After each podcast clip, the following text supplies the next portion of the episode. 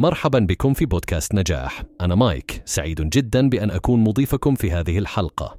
نحن اليوم سنتحدث عن موضوع مهم وقيم أعطاه لنا ستيفن كوفي الكاتب المعروف ومؤلف كتاب العادات السبع للأشخاص الفعالين للغاية. تتمثل الفكرة الرئيسية في بحثك عن الفهم قبل أن تطلب الفهم. فكرة كوفي بسيطة ولكنها عميقة.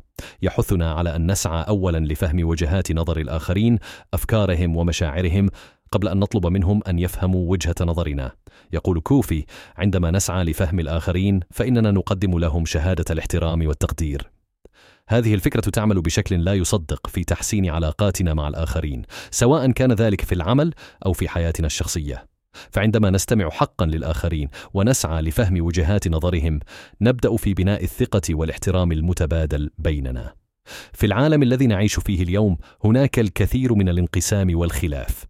فقد نغرق في آرائنا ونرغب في أن يفهم الآخرون وجهة نظرنا دون أن نكون مستعدين لفهم وجهة نظرهم.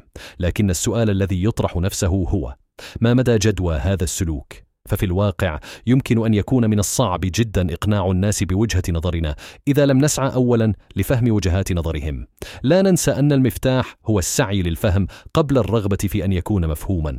فعندما نصغي ونبذل الجهد لفهم الآخرين نكون قد خطونا الخطوة الأولى نحو بناء تواصل فعال ومثمر معهم. أنا مايك لقد قمت بإنشاء هذا البودكاست مجانا باستخدام أدوات الذكاء الاصطناعي. تعلموا كيف فعلت ذلك في mrc نقطة fm/x. أراكم غدا.